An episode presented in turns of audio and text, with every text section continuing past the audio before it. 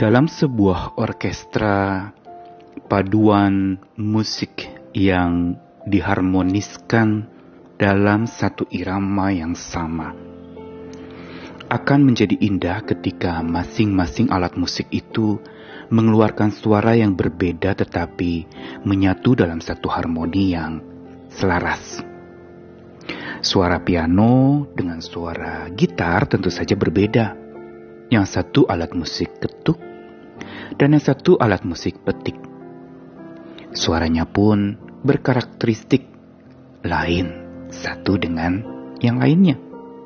Tapi kalau dipadukan oleh sang konduktor atau pengarah musik yang piawai menyatukan yang berbeda itu, maka kedua alat musik itu akan menjadi seirama, sekalipun mereka berbeda. Begitu pula hidup kita dengan sesama kita.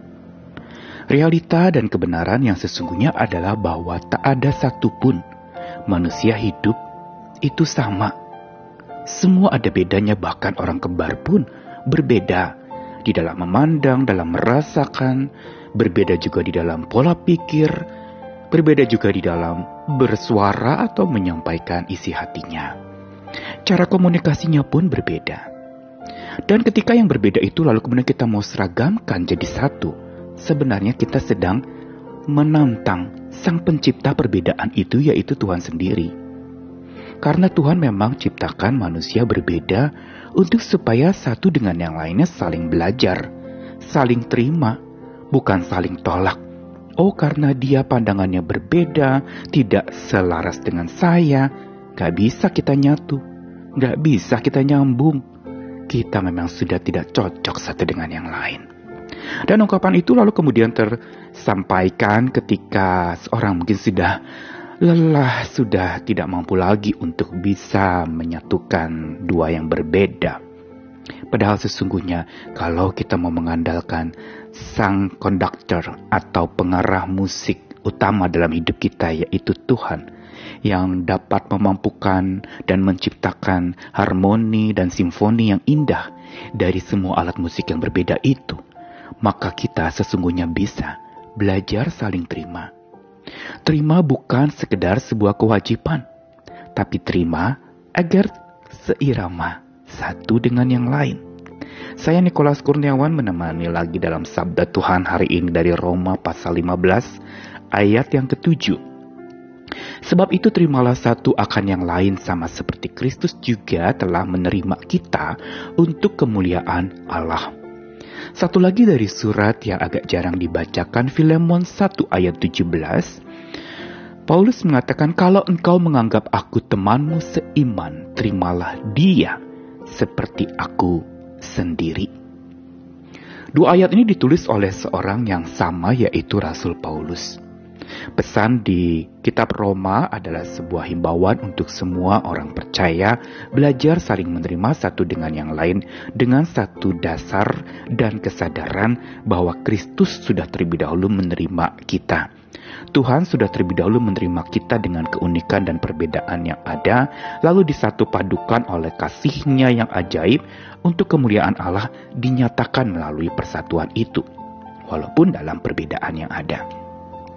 Dan di dalam surat Filemon, Paulus kali ini di dalam penjara dia menuliskan sebuah pesan kepada rekannya bernama Filemon mengenai satu orang yaitu hamba dari Filemon, budak dari Filemon yang bernama Onesimus yang rupanya dipenjara bersama dengan Paulus. Dan di sini Paulus menulis surat pribadi kepada Filemon, majikan dari Onesimus. Dia mengatakan kepada Filemon untuk supaya bisa menerima Onesimus bukan lagi sebagai hamba, tetapi lebih dari hamba yaitu sebagai saudara yang kekasih dan juga sebagai manusia di dalam Tuhan. Karena itu, ini adalah sebuah himbauan yang sangat sederhana dari seorang rekan kerja kepada seorang majikan terhadap budaknya, untuk supaya Filemon menerima Onesimus, budaknya yang dipenjara itu. Yang Paulus ingatkan nanti kalau sudah keluar dari penjara, terimalah Onesimus ini Dan Paulus menggarisbawahi dengan mengatakan, kalau engkau anggap aku temanmu seiman, terimalah dia seperti aku sendiri. Paulus ingin supaya Filemon bisa menerima Onesimus yang menurut catatan memang pernah melukainya, tidak sejalan dengannya, dan juga berbeda dengannya secara derajat dan posisi. Paulus mengajarkan untuk terima dia seperti aku sendiri. Paulus ingin mengatakan bahwa sekalipun dia pekerjamu, terima dia sebagai rekan kerjamu. Sama seperti Paulus adalah rekan kerja Filemon. Dia minta Onesimus diterima sebagai rekan kerja, bukan lagi pekerja, tetapi sosok yang setara dengannya. Di sinilah sebenarnya himbauan Paulus baik kepada jemaat di Roma maupun kepada pribadi Filemon mengajarkan kepada kita untuk belajar saling terima apa yang Tuhan ingatkan hari ini dari sabda Tuhan adalah bahwa kunci agar hidup seirama dengan sesama adalah saling terima, bukan saling tolak menolak. Seringkali kita dengan orang yang berbeda, kita menjaga jarak, kita berseberangan dengan dia, kita tidak mau menerima dia, kita bahkan mengatakan pendapatnya berbeda dengan saya, kita tidak sejalan, dia di sana dan saya di sini, tidak akan ada titik temu. Ego manusia sering kali membuat kita justru saling tolak, bukan saling menerima. Dan penerimaan memang tidak mudah kalau kita ikuti ego kita. Tapi penerimaan dimungkinkan oleh kekuatan Tuhan yang sudah menerima kita lebih dahulu. Sekalipun orang yang bersama dengan kita itu atau orang yang berseberangan dengan kita itu ada di sekeliling kita. Dan memang dia punya pandangan yang berbeda tidak sama satu dengan yang lain. Dan bukankah ini realita yang kita harus terima? Dan karena itu kita butuh kekuatan Tuhan yang sudah lebih dulu terima kita dengan kuat dan lemah kita.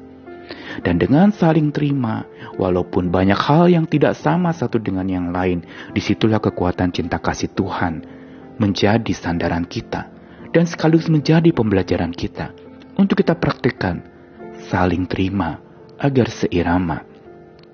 Hari ini di mana pun kau berada mungkin di keluargamu, ada orang yang berbeda. Mungkin sanak saudaramu, mungkin kau suami istri, kau orang tua dan anak. Dan memang tidak ada yang sama bukan dalam satu keluarga pun. Atau mungkin di tempat ibadahmu sama-sama melayani, sama-sama melakukan karya layanan di satu lembaga atau organisasi. Tetapi lalu kemudian kita temukan orang itu berbeda. Dan kita lalu kemudian makin menjaga jarak dengan dia menjauh dan bahkan bukan merangkul tetapi malah saling pukul. Dan tentu saja kalau kita lakukan itu, si jahat akan senang sukacita karena melihat anak-anak Tuhan saling gontok-gontokan, saling ribut satu dengan yang lain, saling tolak satu sama lain. Tetapi mari kita datang kepada Tuhan yang menerima kita lebih dulu sebagaimana kita apa adanya dia terima untuk dia ubahkan kita jadi pribadi yang makin serupa dengannya kita mengandalkan kekuatannya untuk kita bisa saling terima agar seirama.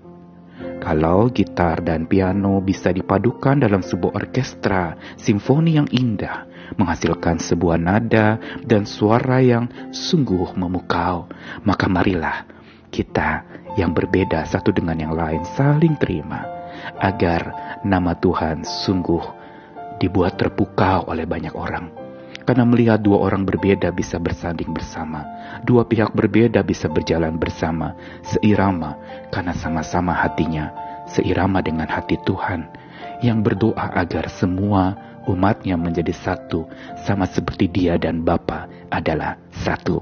Selamat belajar saling terima agar hidup seirama. Amin.